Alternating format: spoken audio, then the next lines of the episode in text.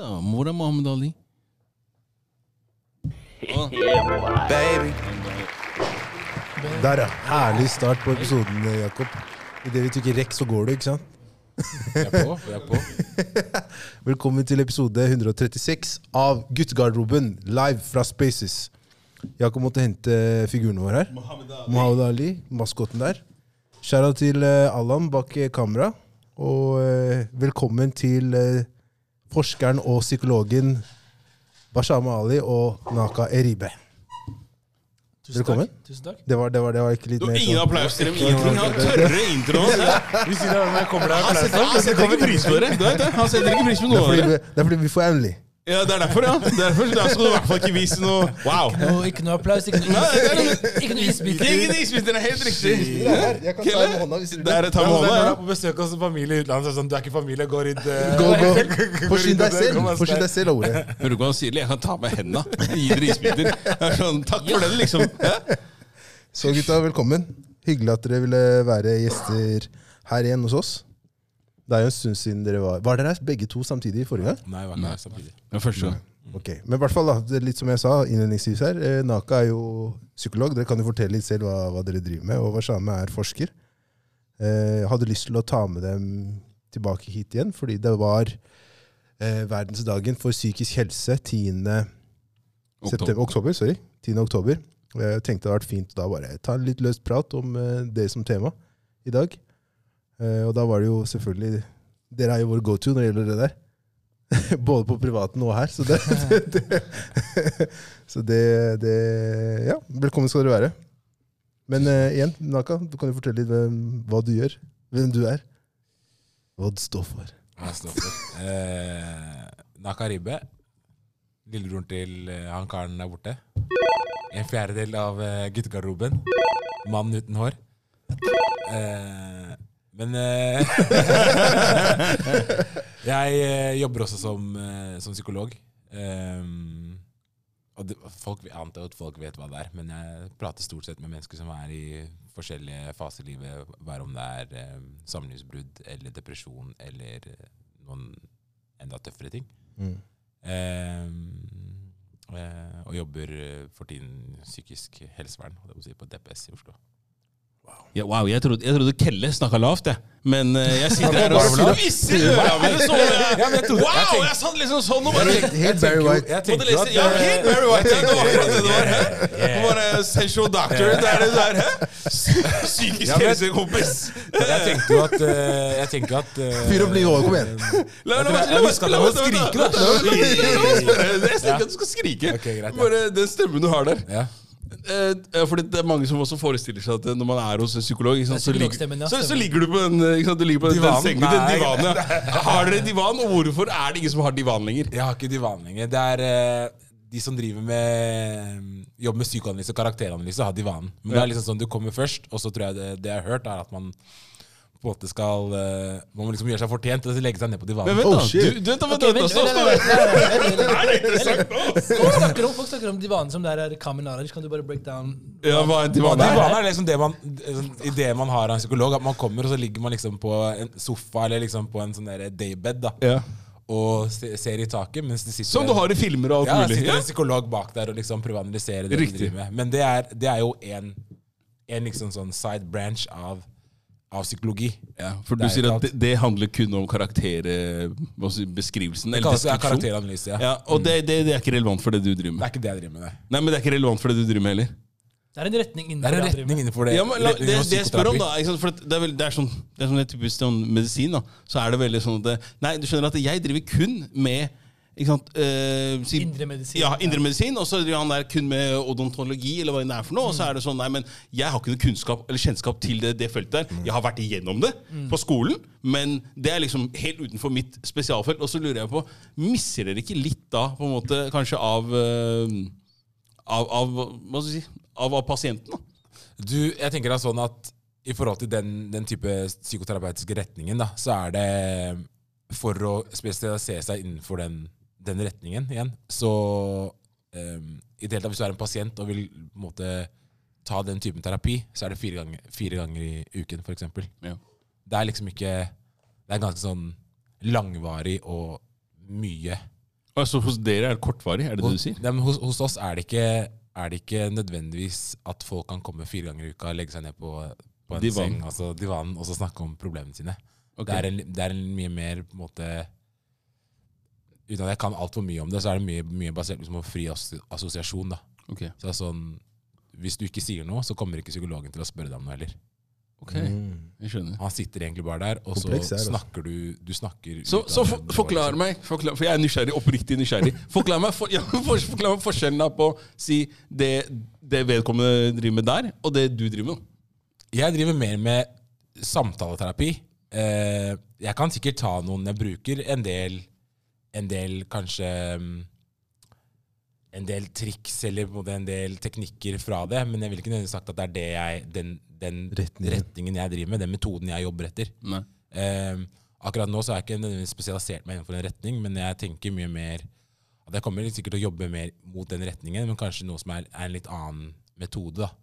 Men eh, det baserer seg mye mer på liksom at man tenker at eh, mennesker som har vansker, de eh, utvikler eh, forskjellige forsvarsmekanismer for å slippe å håndtere eller um, slippe å Møte problemene. møte liksom problemene sine.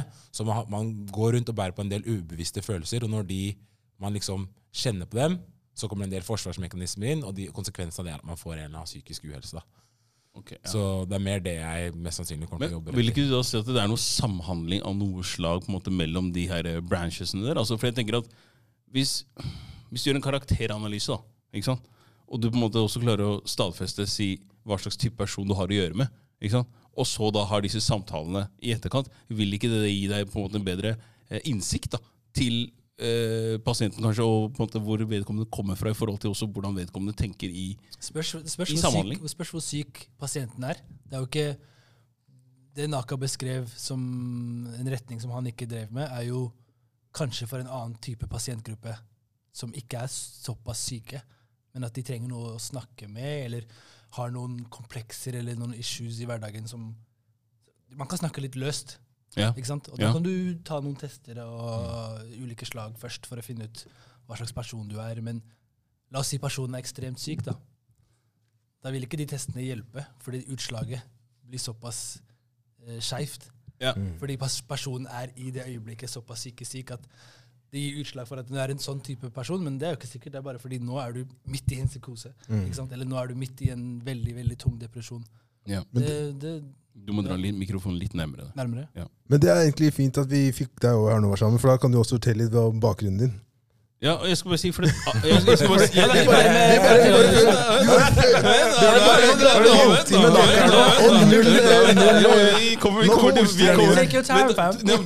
jeg, skal bare si, det, det, liksom, Grunnen til at jeg spør, er fordi jeg har alltid vært nysgjerrig da, på, på akkurat det her. Sant? På, på, hvor er forskjellen? For det, det du får se liksom, si når folk går til en psykolog, da, ikke sant? typisk i film og den type ting, og i hvert fall hvis du aldri har gått dit selv, så er det klart at du har ikke noe forestilling annet enn det du har blitt speila. Og det er da, ikke sant mm. På samme måte som hvordan ser en ufo ut? Ja. Du veit det fordi du har sett det på, på film. ja. Helt klart. Ja. Så Det er derfor jeg bare spør, for jeg bare lurer på? Er det sånn at ting er helt separert fra hverandre, eller er det noe samhandling på en måte? Er det noe rom for samhandling mellom dere? Alt har et opphav. Ja. Psykoanalysen er ofte det som eh, forbindes med, med Freud, da, Sigmund Freud, som liksom er psykologi, psykologiens far. Ikke sant? orker ikke å starte på han der engang, men, men, ikke sant, det, men der, er, der har du For der kan vi diskutere mye. Også. Så det er første, førstebølgen.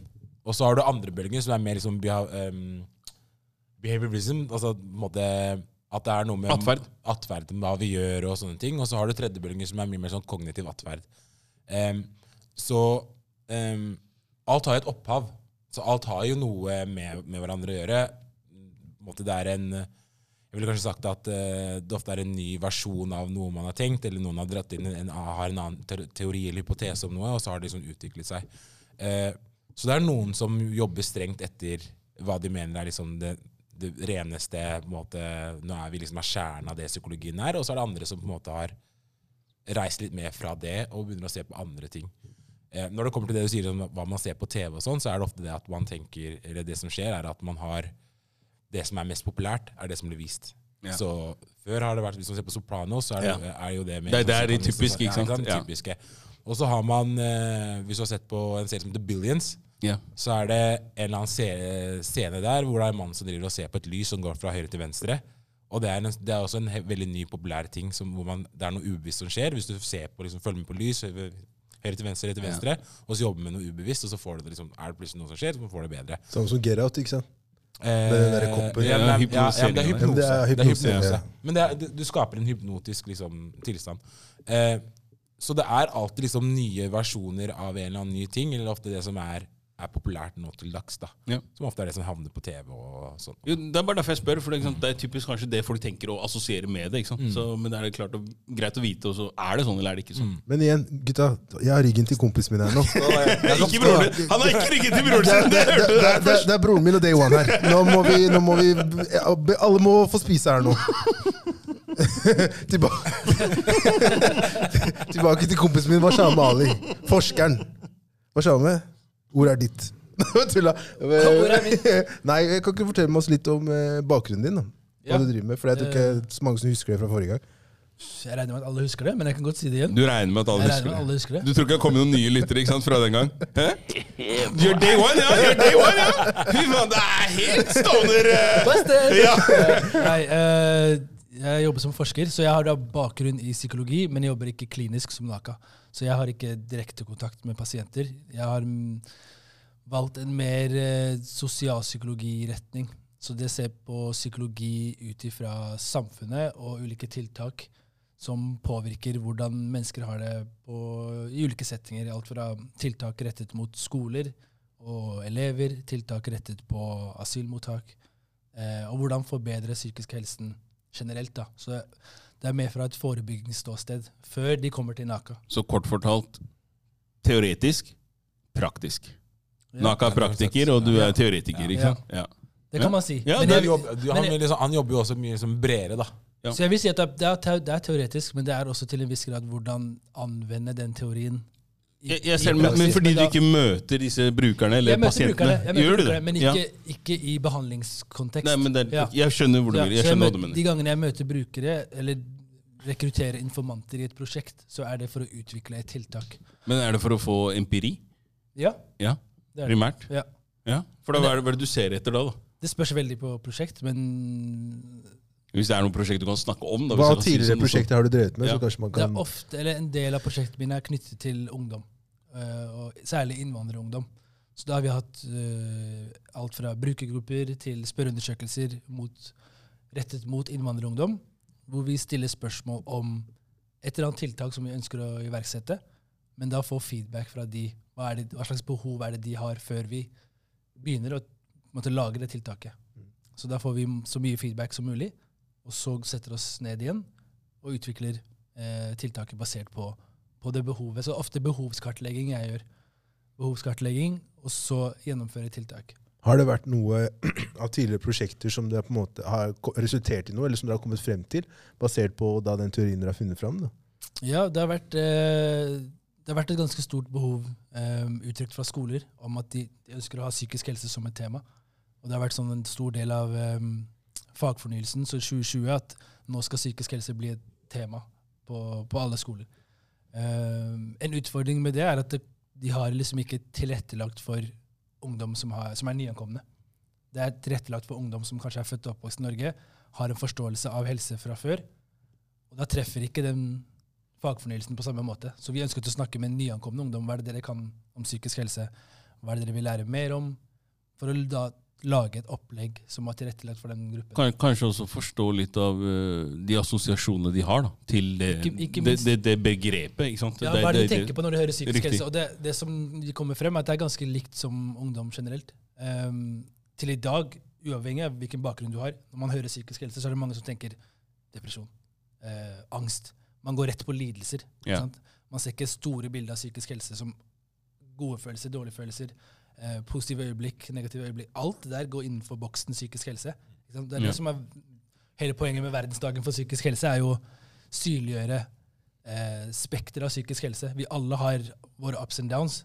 Eh, men særlig hos nyankomne så er det ofte kanskje litt mer fokus på det negative, for de har ikke kommet så langt i samtalen enda at det er assosiert med noe negativt. Det er ikke noe vi snakker så veldig mye om. Og når man ikke snakker så mye om det, så er det gjerne fokus på det negative. Men spør, spør dere ofte da også på en måte hvor, hvor man har disse ideene Altså hvor, Ja, hvor har man disse ideene fra? da? For det, det er ikke ofte kanskje du får det hjemmefra. ikke sant, typisk. Vi gjør det, og vi, vi, vi spurte jo dem hvor er det, eller, hvor er det lært om psykisk helse.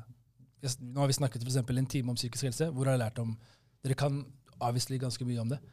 Og de får jo med seg, de har vært i Norge ett år eller to år, de får, de får med seg ting som skjer i media, de har sett Skam, de ser på TV-serier, de vet, de begynner å forstå det.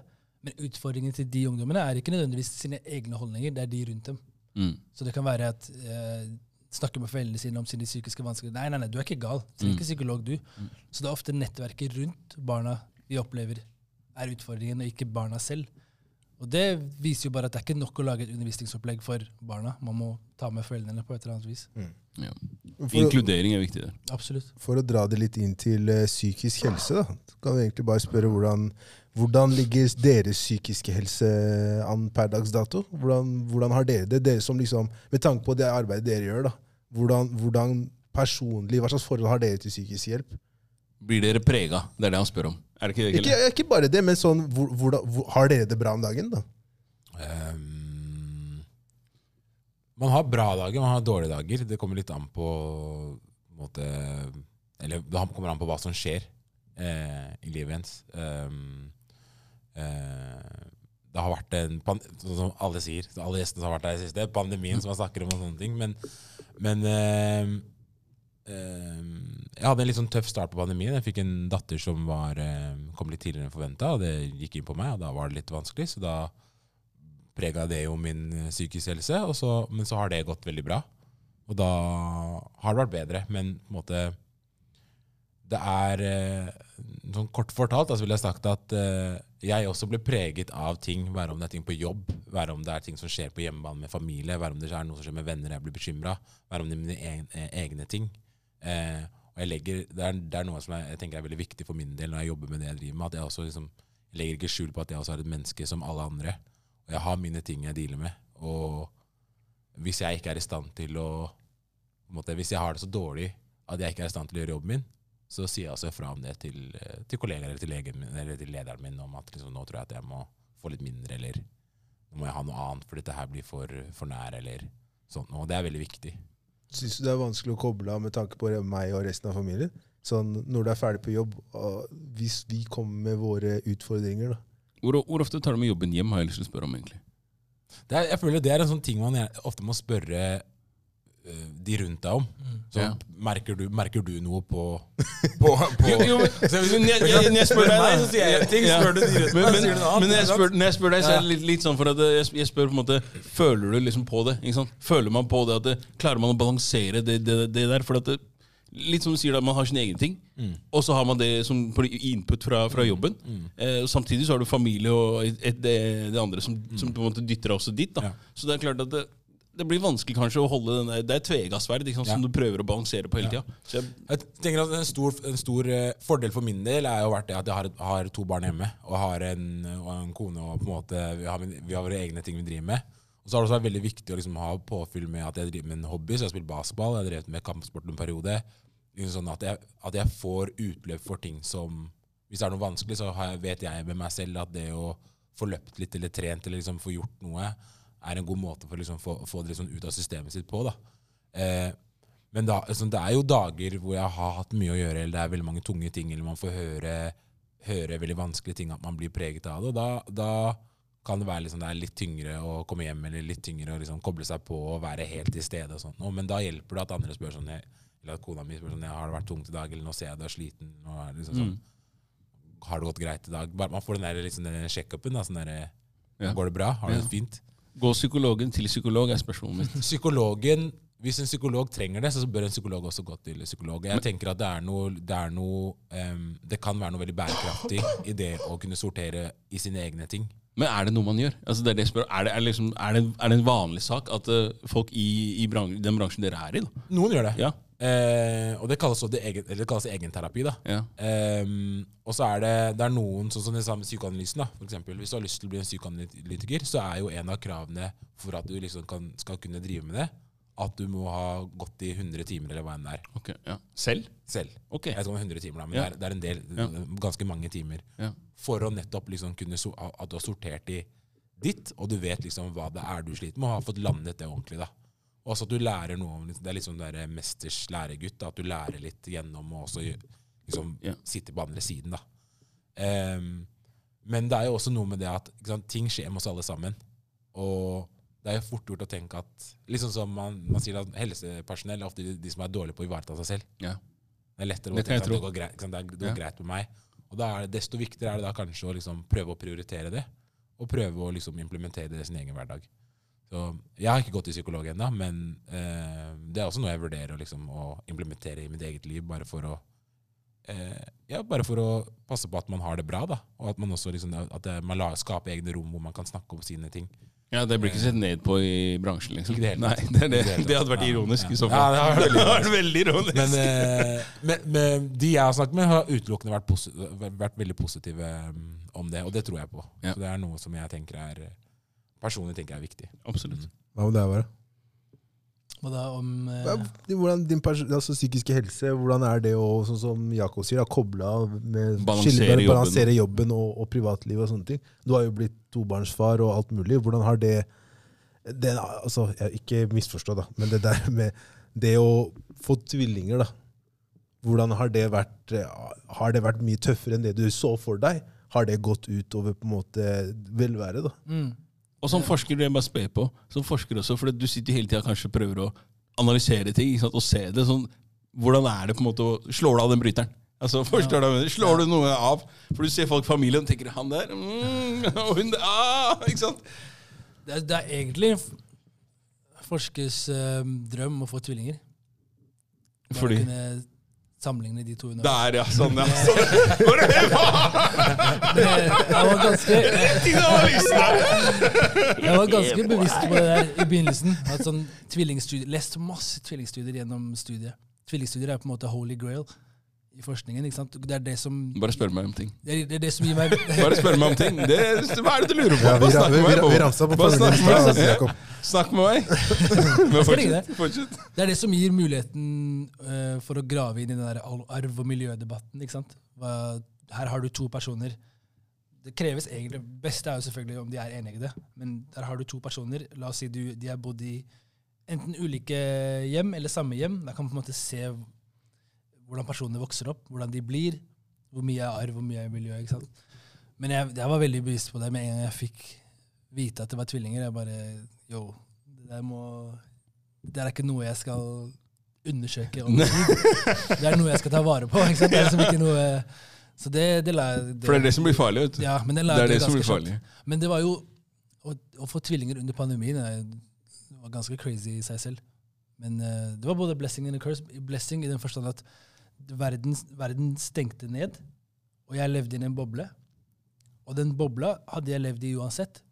Men den bobla ble bare enda mer en boble, fordi alt annet var stengt. Så det, for, min, for min del så ga det meg mulighet til å bare gå 100% inn i den bobla uten noe som helst forstyrringer. Så sånn sett så var det ganske fint. Det var en ganske fin periode. Selv om det var utrolig tungt og stor omveltning. Men det var, jeg hadde ikke noe annet å tenke på. Det var kun de månedene med et helt nytt liv, og bare prøve å forstå hvordan vi skal gjøre det her på best mulig måte. der du er heldig, da, er jo at du har noe som opptar all tida di. Altså, forstår Mm. men Du har noe som, som 100 som krever Jeg hadde ikke tid måte, til å kjede meg. Nei, det, det er akkurat det det. ikke- ikke sant? Og, og jeg hadde ikke tid til å reflektere så mye heller. Det var Nei. ikke før de ble fire-fem måneder jeg begynte å tenke oh my god, det er tvillinger. Det, det er far til tvillinger. Det er sykt. Men hele første perioden var så hektisk at jeg hadde ikke noe tid til å tenke på livet mitt. Du rakk ikke å lande? Nei, ja, Men jeg tror for noen så kan omveltningen bli veldig stor, fordi man innser nå er livet mitt som var, borte. I hvert fall i en lang periode. Men en, jeg hadde verken savn eller følelse av tap. Det var ikke, for det var, det, var, det var ikke noe annet som foregikk. Også, jeg kan si at det, Uansett om det er noe annet som hadde foregått, så hadde du fortsatt Nei, altså, forstår altså, det, det, er det, det er ikke bare det, men det hjalp. Og, og, og samtidig at det var tvillinger. Det er ikke noe Du har ikke tid til å reflektere over den omveltningen. Nei. Med en gang du begynner å tenke, så er det en annen som må skifte bleie. Det er liksom rett på hele veien. Men det var selvfølgelig en periode hvor når jeg begynte å jobbe igjen, at den omveltningen var tøffere enn jeg forventa. det å få tvillinger gikk overraskende bra. og Det var slitsomt, men det gikk bra. Og så skulle jeg tilbake til jobb og prøve å være like effektiv som jeg føler at jeg har vært før. Det er dine egne, vet du. Så det, det, det er noe annet. Du har litt ekstra, Ja, gir- du har var- et ekstra gir der. Det, ja, ja, men det var tungt å føle at jeg ikke kunne Du stakk ikke til på jobb? Hæ? Du følte ikke at du strakk til på jobb? Jeg følte at jeg ikke kunne forberede meg på samme måte som jeg har gjort før. Nå, ok, nå har jeg den og den forelesningen om to uker. Vanligvis så kunne jeg bruke to uker på bare hver kveld gjøre litt og litt og litt, helt til jeg følte meg supertrygg. Mens nå følte jeg at jeg Wow, jeg våkner opp, så er det der forelesning i dag. Det ble kasta okay. i ansiktet på deg, liksom. Ja, den, den hadde jeg glemt. Ja, ikke Det var tusen meldinger til Kelle. bare sånn, Hva skal du i dag? da?» Do it live! Do it live! Hva er det du skal? Jeg fant ut nå. Så det var mye av det. eh, Men det gikk jo heldigvis greit. Og det var eh, alltid deilig å komme hjem uansett. Det fikk meg til å glemme alt det stresset på jobben samtidig. Det, er- det, er, det, er litt, det er litt morsomt, egentlig, spør du meg. For at det, sånn, jeg tror kanskje jeg er den som av de jeg kjenner, som har blitt minst prega av den pandemien. hvis jeg skal være ærlig. Sånn, det har liksom ikke gå- gått inn på altså, sånn, som, som moren min sa, uh, hun sa forrige uke, og hun bare Pandemi eller ikke, hvor skal du? Altså, jo, men du skjønner Hvor er positivt. Ja, men uh, poenget sa Jeg vet ikke om det var positivt. Poenget hennes da, poenget da var bare at Moren din kaster deg under bussen! Nei, nei, nei. Det hun prøvde å si, var at eh, du har to barn. Hvor skal du? Du, du skal ikke på Du Du skal ikke på chartertur eh, noe sted. Det er sånn, Det hun mente. At eh, alle stresser deg med det ene og andre. 'Å nei, jeg får ikke gjort det', jeg får ikke gjort det. Jeg har vært hjemme uansett. Altså, Barna står opp tidlig uansett. Du har ikke noe Det er bare å Det var veldig deilig å ikke eh, føle at jeg var, eh, måtte være flere steder. Det var ekstremt deilig med pandemien. Det var en positiv ting med pandemien. Jeg følte ikke at jeg måtte gjøre flere ting. Jeg kunne bare fokusere på én ting. Men jeg syns også det var ganske tungt å, å eh, finne en ny identitet i jobbsammenheng. Nå, er det, nå er jeg plutselig den personen som ser på klokka tre, halv fire. Oi, barnehagen. Jeg må kanskje dra nå. Eh, hvem er det som henter i dag? Det er min tur. Jeg må gå tidligere. Det, det var liksom ikke noe av det før. Jeg har hatt en såpass lang eh, jobbkarriere uten det perspektivet. Yeah. Jeg kunne godt bli sent. Det var liksom ikke noe som holdt meg igjen. Mens nå er det andre ting å tenke på, og det, det er en omveltning som sakte, men sikkert kommer seg. Det er tilpasning, er det ikke? Jo da, det er tilpa og vi er ekstremt tilpasningsdyktige mennesker. Det tror jeg alle sikkert har opplevd også under pandemien. Selv om de har hatt det tøft.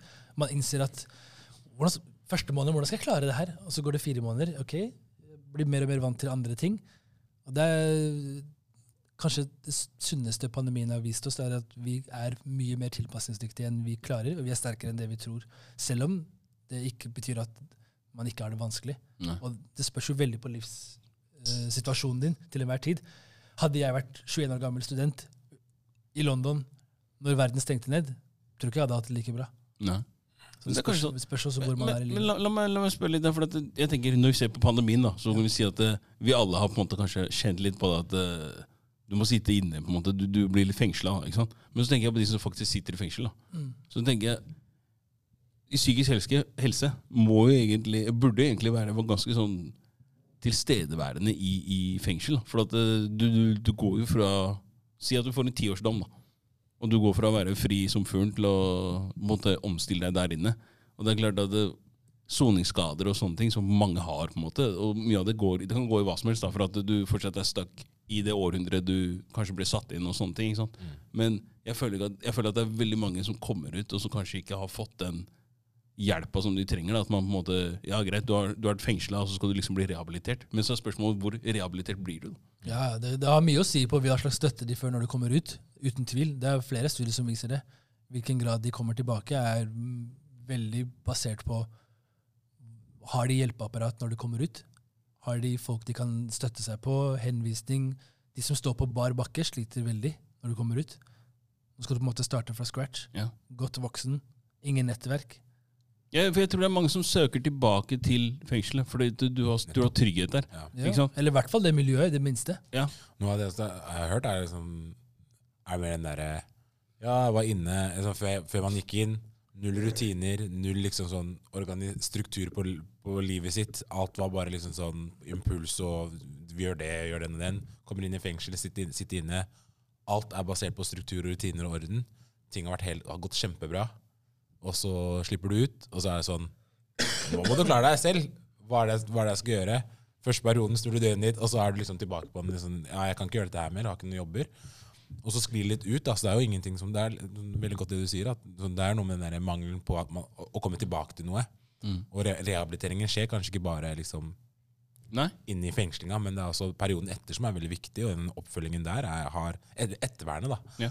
tenker jeg er veldig, mm, Al- veldig tenker, viktig. Alle som sitter etter pandemien, da, eksempel, uten jobb, da, som hadde jobb før det, hvis du sier det sånn, liksom, det er også en ganske stor omveltning. Ja. Å gå fra på en måte å ha en sin stabil økonomi til at du nå sitter på, på bar bakke. Da. Og Der føler jeg at du kan nesten sammenligne litt sånn For at der, du føler litt på den håpløsheten. ikke sant? Ja, ja. Eh, og så har du kanskje gjort noe i 20 år, da, og så har du egentlig ikke noen andre ferdigheter. ikke sant? Litt sånn som du har vært fengsel egentlig inn ut hele livet, og så har du egentlig ingen andre ferdigheter. ikke sant? Og så har du ikke kanskje fått eh, en, en, en, pekepinne på, på hvordan du skal klare å navigere rundt i, i hverdagen. For Jeg tror det er mange som søker seg tilbake sånn og begår dumme handlinger, da, hvis du sier det sånn. Nå sier jeg ikke at pandemien er på den måten, men Men når du, når du nevner dette her med ettervernet, Naka det, Egentlig godt spørsmål. Jeg har lyst til å dra litt inn til det. Dessverre, altså. Og vår tanke går ut til familien, da, men det var jo den, den skyteepisoden på Mortensrud ja. eh, nå. Eh, og da har det kommet opp i mange debatter og sånne ting om hvor er ettervernet for de etterlatte. da. Da Man tenker da først og fremst på, hovedsakelig på familien. ikke sant? Så jeg får meg til å tenke sånn, for Det var en kronikk hvor det ble tatt opp dette her med hvor var ettervernet for eh, altså ofrene av de etter eh, Benjamin Hermansen. Fikk de noe tilbud, de, de ungdommene, klassevenner, eh, kompiser generelt, da, eh, med dette her? Og da er spørsmålet da til 2021 om hva slags tilbud får da disse her vennene og naboer, familie, som da blir også rammet av da at den unge gutten på 20 år ble drept nå på Mortensrud? Er det noe, er det noe, noe tiltak der som man går gjennom i sånne som dere vet om? Er det noe, noe som blir gjort, eller er det, er det ikke noe man tar hensyn til? Eller, eller hvordan fungerer det, på en måte, hvis dere vet noe om det? Det skal være et kriseteam som, eh, som oftest blir brukt i slike situasjoner. Det her var jo midt, det her skjedde jo utenfor en skole, Mm. eh, og elever var vitne. Så det skal være på en måte kommunens eh, kriseteam som kommer inn og, og klarer å kartlegge hvem som er involvert, og hvem som trenger hjelp.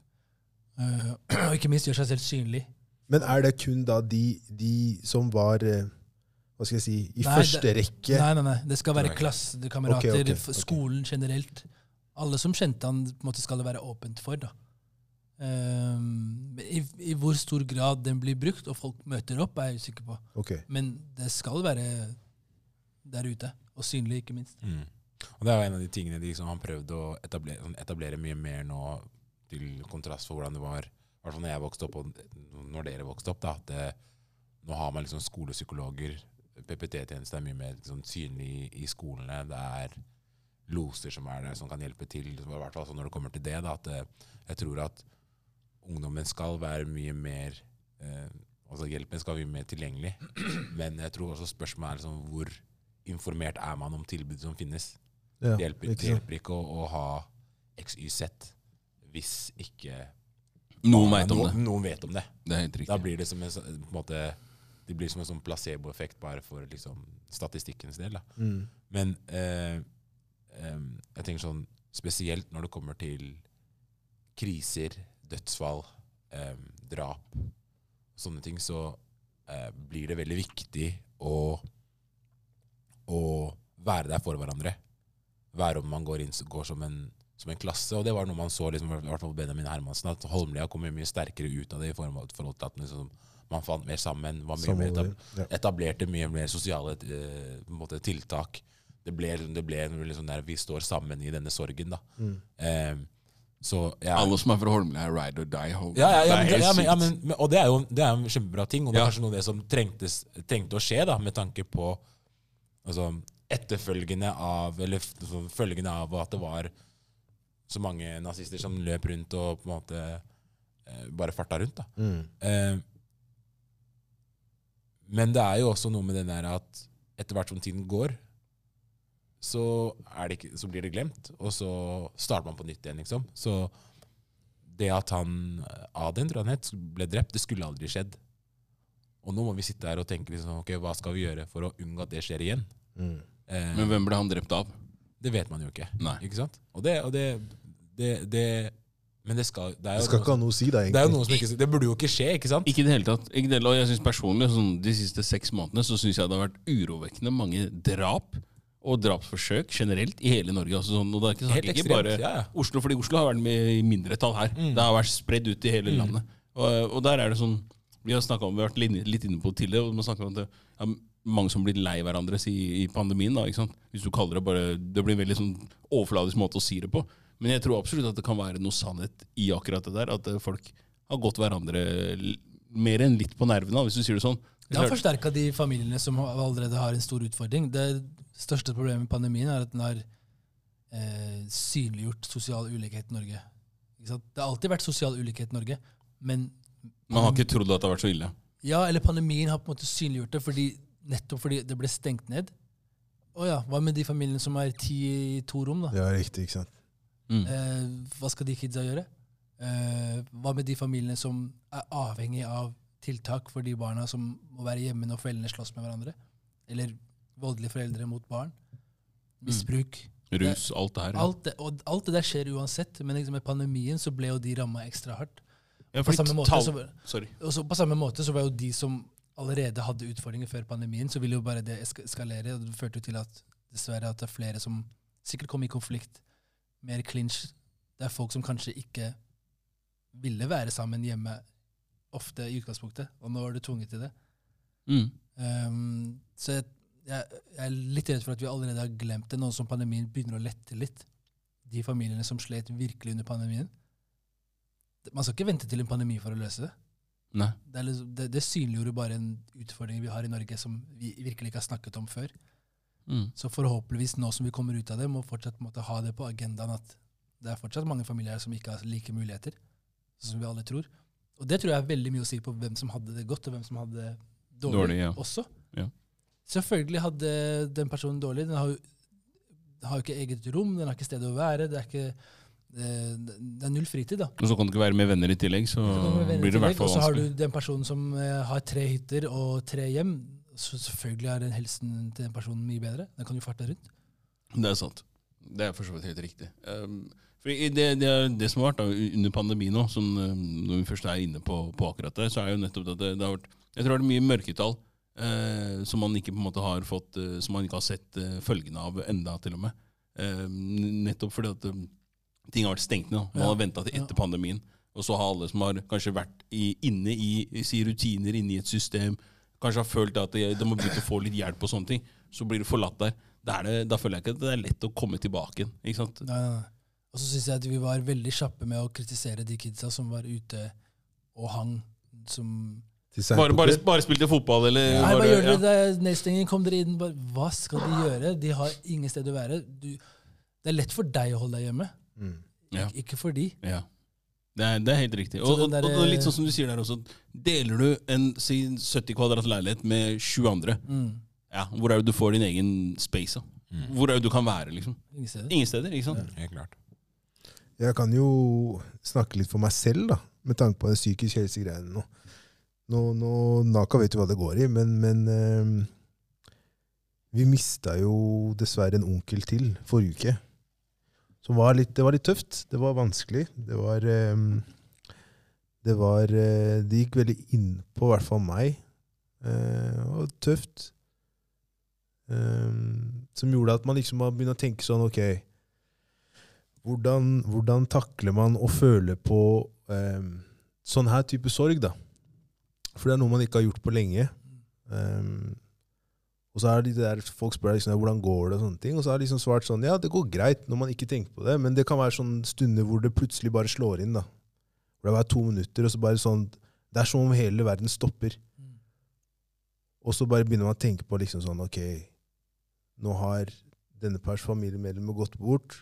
Hvordan, hvordan takler jeg liksom den, den følelsen her? Og jeg, jeg vet egentlig ikke hvordan helt sånn Ikke, sånn, ikke nødvendigvis at jeg ikke helt vet hvordan jeg skal takle det, men det er bare sånn, jeg, jeg har ikke liksom kommet dit hvor jeg føler at jeg har kommet i bunnen på hvordan dette føles. da. Mm. Det, det skremmer meg litt, merker jeg. Og man har liksom sånn, Jeg har jo prøvd nå siste uka liksom ja, litt sånn egen, egenpleie. da, liksom, ok, Hva kan jeg gjøre for å, for å komme litt mer in touch med meg selv? da? Hva har du gjort da? Nå har jeg egentlig bare, jeg har egentlig bare eh, følt litt på det. Tenkt på liksom gode, gode ting. Minner. Mm. Eh, se til at på en måte Ja, først og fremst liksom foreldrene mine har det bra, da. Eh, og, og samtidig liksom bare se til at man det, altså, eh, at, hvordan, at mitt humør ikke smitter over på, på da først og fremst sønnen min. da. For det har jeg vært veldig på, både jeg og broren min. At ikke liksom barna skal se hvordan, hvordan det påvirker oss. da. Men det har jo selvfølgelig vært veldig, veldig tungt. Ja. Eh, Kondolerer, Naka. Mm. Takk. Eh, så, så ja. Men det, du, jeg synes du tar et veldig viktig poeng det med at vi har ikke lyst til at barna skal vite Eller ikke vite, men ikke lyst til at barna skal bli påvirket av det vi går gjennom. Mm. Men jeg syns det er et toegget sverd, fordi barna kommer til å merke det uansett. Mm. Ikke sant? Så i hvilken grad kan man involvere barna slik at de kanskje ikke sitter igjen og tenker Jeg vet det er noe der, men jeg vet ikke hva det er. Og i den grad man kan åpne seg opp, ikke for å på en måte altfor mye byrde på barnet, men Mm. bare fortelle at hvis du har merket, eller hvis du ser at pappa er trist, eller hvis du ser at eh, pappa oppfører seg litt rart, bare si ifra. Men det er fordi dette og dette, dette skjedde. Og det, alle, for, alle studier viser det akkurat det samme. Det å involvere barna, selv om det er dritskummelt, gjør mye mer gode for, er mye, mye, er ganske godt for barnet, og gjør mye mer godt enn skade. Og det som faktisk skader barnet, er den usikkerheten og uvissheten at Mm. jeg vet at det er noe, men ingen vil si noe til meg. Nei. Og da sitter en og grubler med det alene. Ja. Men hvordan, hvordan vokste du opp uh, i familien din, da, hvis jeg Mm, sier det sånn? ja. eh, Hvordan, hvordan var det der? Fikk du, fikk, dødsfall og ja, fikk, fikk du liksom hva skal jeg si, Ble du inkludert? Hvis jeg kan si det sånn. For, og du, hvis du forstår hva jeg, bare spør Ja, om det. Absolutt. Men det, og det er det som er så med, fascinerende med den bakgrunnen som vi har. I veldig mange innvandrerfamilier så er det å gi omsorg er å ikke gi informasjon. Fordi det er, det, jeg som, det er jeg som voksen skal deale med det, ikke barna. ikke sant? Så man gjør det for å være god. Ja. Men jeg tror for veldig mange, så særlig hvis det er sykdom involvert, hvis en av foreldrene er syke, hvis det er eh, noen som har kreft, noe som er veldig alvorlig, så skåner man barna. Men til syvende og sist så skader det fordi barna vet noe er galt uansett. Men for min egen del så var det ganske mye åpenhet med dødsfall, ting som skjedde. Men det var også mye de skånet meg for, og det var gjerne økonomisk stress. Det var eh, stress knytta til familiemedlemmer som prøver å komme til et annet land. Eh, familiemedlemmer som sitter fast. Hvordan skal man hjelpe de? Det, det var ikke noe jeg Sende penger hit og sende penger dit. mye, mye, mye av det. Og det var ikke noe jeg var oppdatert med. Det følte de at det har ikke du for å vite. Men med en gang noen av dem var trist, eller humøret forandret seg, så kunne jeg spørre med en gang, og de etter hvert sakte, men sikkert begynne å forklare ok, dette, dette skjedde. Uh, ikke stress, men dette Mm. er det vi dealer med nå. Eh, Så det er en balanse mellom å ikke på en måte, gi altfor mye informasjon som gjør at barnet skal stresse. Oh my god, hvordan skal vi betale husleie neste uke? Det skal ikke barnet stresse med. ikke sant? Men når det kommer til ting som er uunngåelig, dødsfall, sykdom, så er det noe barnet kommer til å vite. Some point. ja. Da er det like greit å ta den praten sammen med barnet på en god måte. da. Kelle Naka, dere var på en måte i samme bås, eller var det, hvordan var det hjemme hos, eh, hos dere? Nei, det jeg tenker på liksom, med tanke på situasjonen som har oppstått nå, da, med at vi har mistet en onkel som vi var uh, veldig nære, er jo mer den derre som for min egen del er at jeg har prøvd å Basert på hvordan det var Jeg kan sammenligne med liksom når, jeg, når eh, vi mista bestefaren vår og onkelen vår i løpet av samme uken, liksom. Samme dag. Ja, Så samme 24 dag, liksom. timer. At det ble en sånn derre Fra å først gå og ringe Eller vår ringer og sier at nå, nå har bestefar dødd, liksom. Og satt ved siden av ham på dødsleiet til å høre at faren vår hylgråter liksom, på stua nede, og vi skjønner ikke hva som skjer. Han sier at broren min er dødd, og du blir helt sånn forvirra. Og en går opp på rommet sitt og holder for seg for seg selv, og en annen går på rommet sitt. Og, altså, det ble bare helt sånn kaotisk. Surrealistisk. Altså. Ehm, Hvor er gamle, liksom hvor gamle var dere da? da tror jeg jeg var Jo, jeg var 15, tror jeg. Og em, det å liksom gå inn i den sorgprosessen og liksom sånn der, egentlig ikke vite hva Man har hørt om det, man har liksom hørt om døden før og man liksom sett på de nyheter, og liksom, men har aldri liksom kjent det før. Og det er, det er jo noe med den der, Sorg er jo ikke nødvendigvis noe man Det er noe alle går gjennom. Men det er ikke noe noen har opplevd før man virkelig får opplevd det. ikke sant? Så er man har liksom Første situasjon man er i den, så er det kanskje mye, mye man gjør som er uheldig. Det er ikke noe du kan trene deg til. Det er det, er det som er man poenget.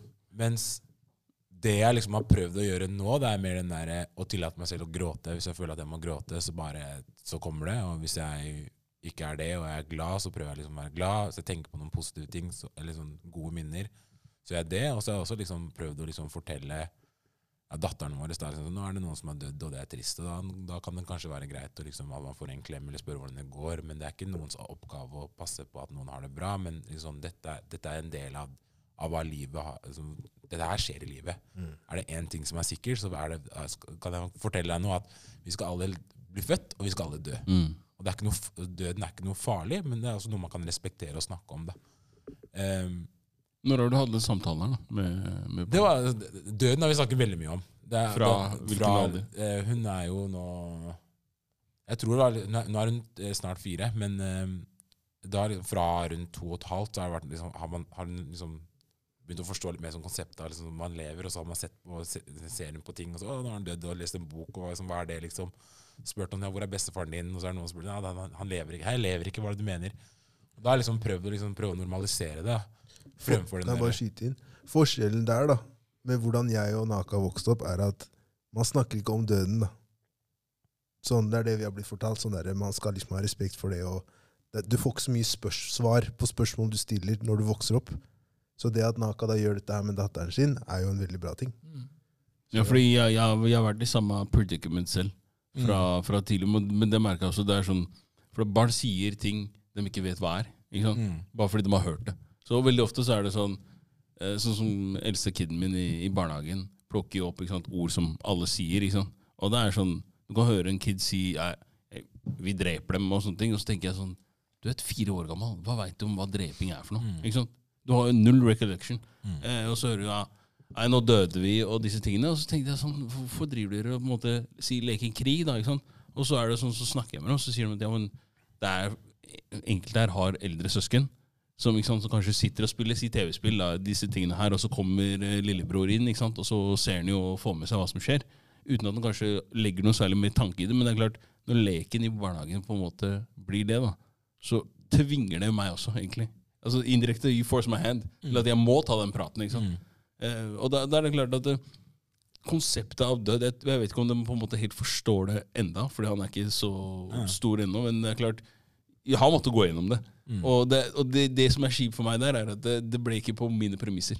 Altså sånn, Nei, i, Når jeg tenkte at greit, du nå, nå er du, du Du er ikke moden for å høre og vite hva døden er når du er to år. Altså forstår jeg mener at det, Nei, det, det trenger du ikke. Men er det ikke sånn at det, det er veldig åpent i Nigeria og Eritrea? og jeg vet, når jeg, De gangene jeg var i Somalia, døden snakkes like åpent som været. Det er liksom Det, det er noe som man Yo, hva skjedde med Hassan? Oh, pff, døde i går, ass. Damn. Vi går over til uh, familien hans. What? Jo, jo, Jeg liker, jeg, jeg liker mye mer det konseptet sånn som det er, det er jo det samme i Nigeria, og sånne ting, men det konseptet som har med liksom sånn derre Når du dør, og hvis det er noen som har levd et langt liv, så feirer du livet. Mm. Ikke sant? Det er ikke, liksom, sånn- døden er ikke noe å frykte. Det er ikke sånn som hos oss hvor du sørger i tre dager. Nettopp. Alle gråter. jo, du har Ja, ja, men sørgeperiode. Du har Du har også, men det er liksom når den sånn, er når den er over, så er det en fest. Ikke sant? At du, Ok, det er, det er, ok, det er fest Ja, ja. etter, det. ok, ja. ja. ja, men du har en liksom sånn derre jeg, jeg, jeg har i en periode vært veldig sånn fascinert av liksom hva forskjellige kulturer gjør forskjellige steder i verden når det kommer til forskjellige ting. I Norge bruker vi svart når noen dør. I India bruker de hvitt. Hva, okay, hva er forskjellen på det? Hvorfor? Og stilt meg sånne spørsmål.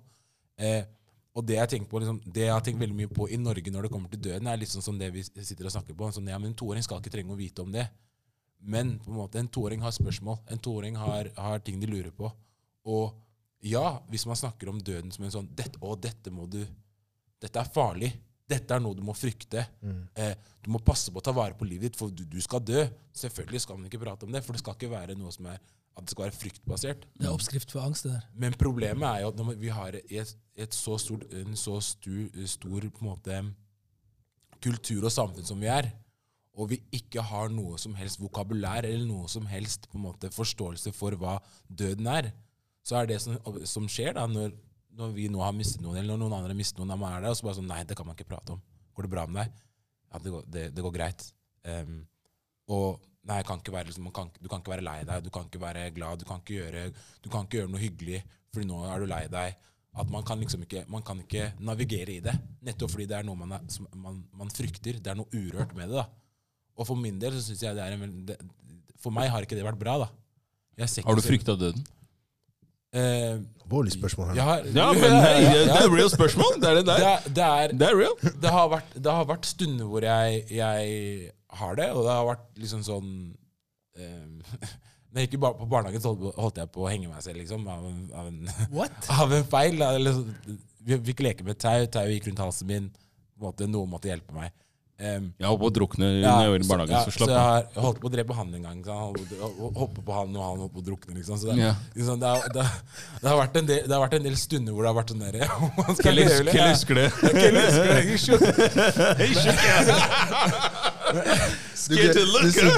sykeste du snakka en gang når du slo meg med den, der, den golfkølla. Ja, det har jeg også gjort.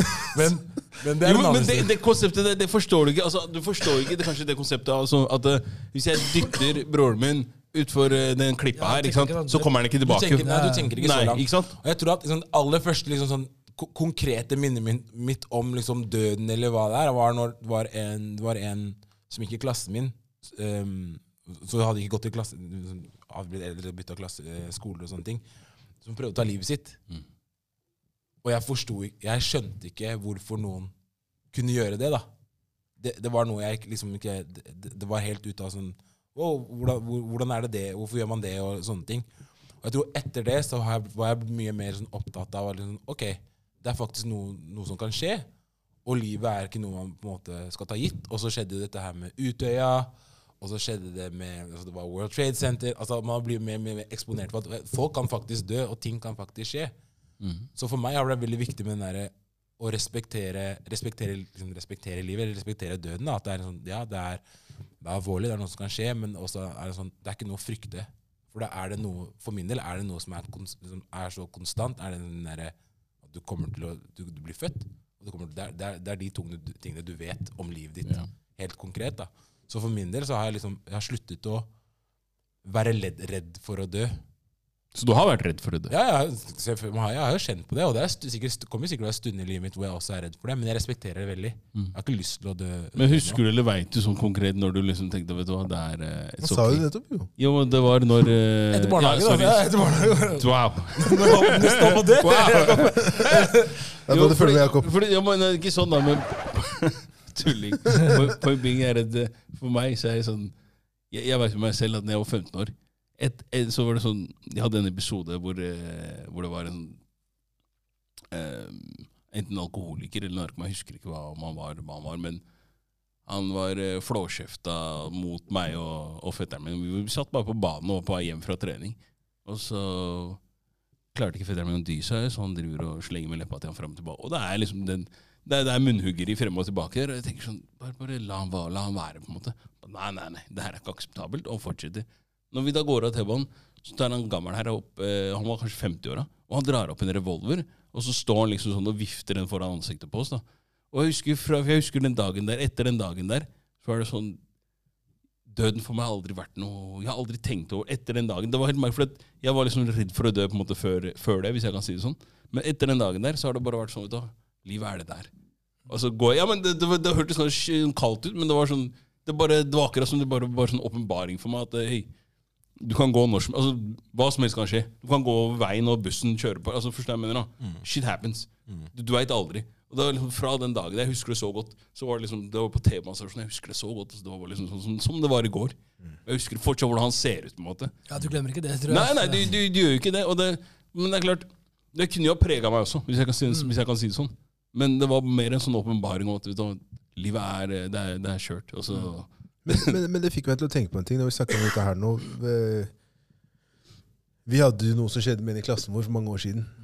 Dette med liksom å få, få tilbud om noe psykisk eh, hjelp. da. Jeg kan ikke huske at vi fikk det. Du mener etter hendelsen? Ja. Nei. Nei. Nå var ikke jeg i landet når det skjedde. Nei, det stemmer det. Men jeg, kan- jeg har ikke huska at vi fikk noe som helst oppfølging eh, Nei, etter men det. det, der. var, men det var jo en periode det, Hendelsen skjedde jo etter vi, Vi var ferdige. Ja, det er jo kanskje ja. sant. da. Så vi gikk i samme barneskole og ungdomsskole, og så skjedde det på videregående når vi er på en måte separert. Stemmer. Så det skal litt mye for at de skal kunne tracke alle. men jeg kan si det at det, det var mange av de jeg husker som gikk på ungdomsskole med, som var på mottaksklasse, som kom fra krig. Ja, Når vi snakka med dem. ja. Så, sånn, så de kom fra krig. Ikke sant? Og du visste jo godt hva krig var, på en måte. Mm. Eh, I hvert fall hjemme hos oss. CNN, BBC, det var det eneste som sto på. Ja. Du hadde, du hadde luka di klokka seks, liksom. Ellers enn det så så du ikke på TV. ikke sant? Men da var det fatter'n satt bare og så på nyheter. That's it. Og det var ikke noe Når de viste noen bilder fra Palestina etc., hvis det har vært noen bomber etc., det var ja, ja, det var liksom som tidlig introduksjon der. Død, ja, der, der har du død. ikke sant? Det er no coming back. ikke sant? Og spesielt, jeg tror at fordi i, det var, Vi hadde jo eh, 30-årskrig i Eritrea. Og vi har jo mista familiemedlemmer der òg. Og det er litt sånn som du, du er inne på der også, var at det, man tar døden kanskje ikke for gitt, men litt man bare tenker at det, det er bare en del av det, det, det, det livet er. For det, er det de har kjent. ikke sant? Det er noe av det sykeste jeg har opplevd første gang jeg var i Somalia, hvor direkte motsatt de håndterer døden i Somalia versus Norge. Og Det er sikkert pga. necessity også. De har ikke muligheten til å være like forsiktige med døden når de opplever det så nært så ofte. Så de har ikke muligheten til å ha det på avstand som vi har i Norge. Så de, for, for dem så var det på en måte head on hele veien.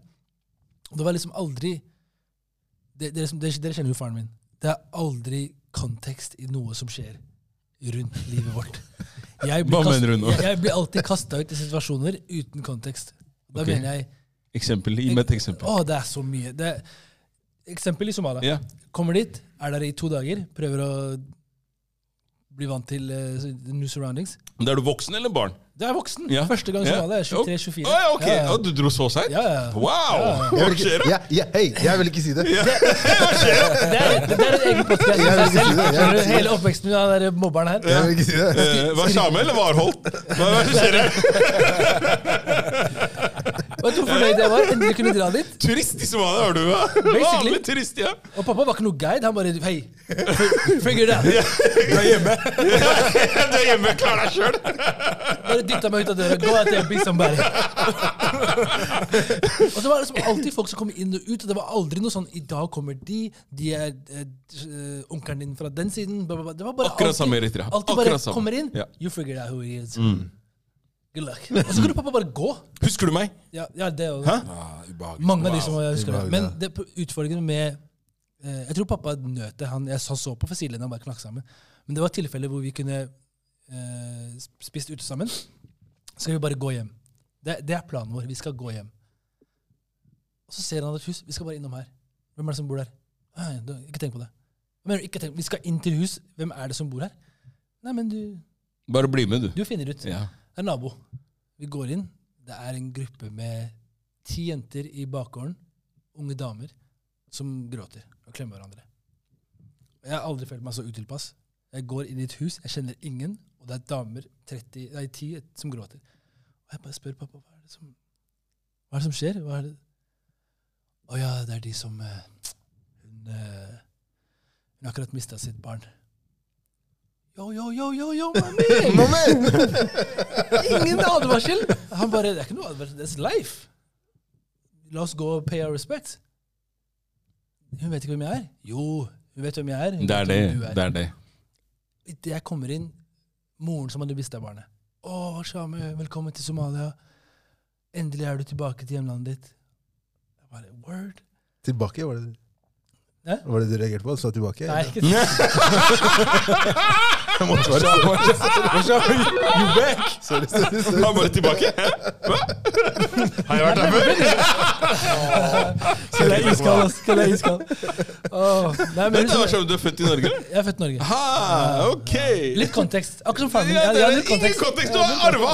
Det er kopi! Ja, men det, men, ja, Men det, og det, liksom, det, det, var, døden var bare noe som snakka om. Altså, så jeg var sånn kondolerer for uh, sønnen din. Det var veldig trist. Bare, Hva kan jeg gjøre? Det er ikke noe jeg kontrollerer. Gud gir, og Gud tar. Og bare liksom It is what it is. Og hun får støtte av liksom nabomiljøet. Alle er, alle er der for henne. Men de sørger i noen dager, og så er det keep it moving, fordi hun har syv barn. Yeah. Og den der holdningen om å keep it moving når forferdelige ting skjer, det er jo Selvfølgelig, de må, de har ikke noe annet valg, men det var helt uvant fra mitt norske ståsted å se Å være på familiemiddag, høre en bombe gå av, og jeg bare Yo, den hørtes ganske nærme ut. Nei, nei, nei, nei, vi hører at det var minst fem kilometer. We're good. Mm. Det er som torden, da. Og så fortsetter, bare fortsetter middagen som, som ingenting. Og det må de gjøre for å kunne fortsette hverdagen. Så du, igjen, Mennesker er tilpasningsdyktige. Men du lever jo også under helt andre omstendigheter. da. Ja, og for å kunne leve så godt som mulig, så må de ha helt annen livsmetode. da. De kan, ikke, de kan ikke leve på samme måte som vi gjør her. Mens vi snakker om hjemlandet her, da, hvis jeg kan si det sånn, la meg spørre om en ting. fordi og det, til dere begge, uh, Kelle, nei, Kelle, jeg, Na- Naka og uh. Slapp av. Um, for det, i, typisk da, Hvis du sier i, i Nigeria, så tror jeg også det er litt sånn som i, i Somalia og Eritrea, at uh, barn får aldri muligheten til å være barn. Hvis, du, hvis dere skjønner hva jeg mener. Og da, der lurer jeg på preger, Tror du det preger det på en måte de uh, Altså preger det barnet, hvis du sier det sånn, preger det deg som person, og at du aldri får den Selv om greit, hvis du ser Vesten, så veit vi hva, måte, hva som kaller tida di som barn og tida di som ungdom. og sant, alt det her om at det, det, Du skal prøve og feile, og alt det er greit. Du har jo ikke den der luksusen. Sant? Du har ikke det støtteapparatet. Jeg tror ikke jeg kan snakke for alle her, men jeg tror nok at, tror nok at eh, I hvert fall Nigeria, da. Jeg tror nok at de er barn, men vet, de vet jo ikke helt hva, hva er alternativet. da.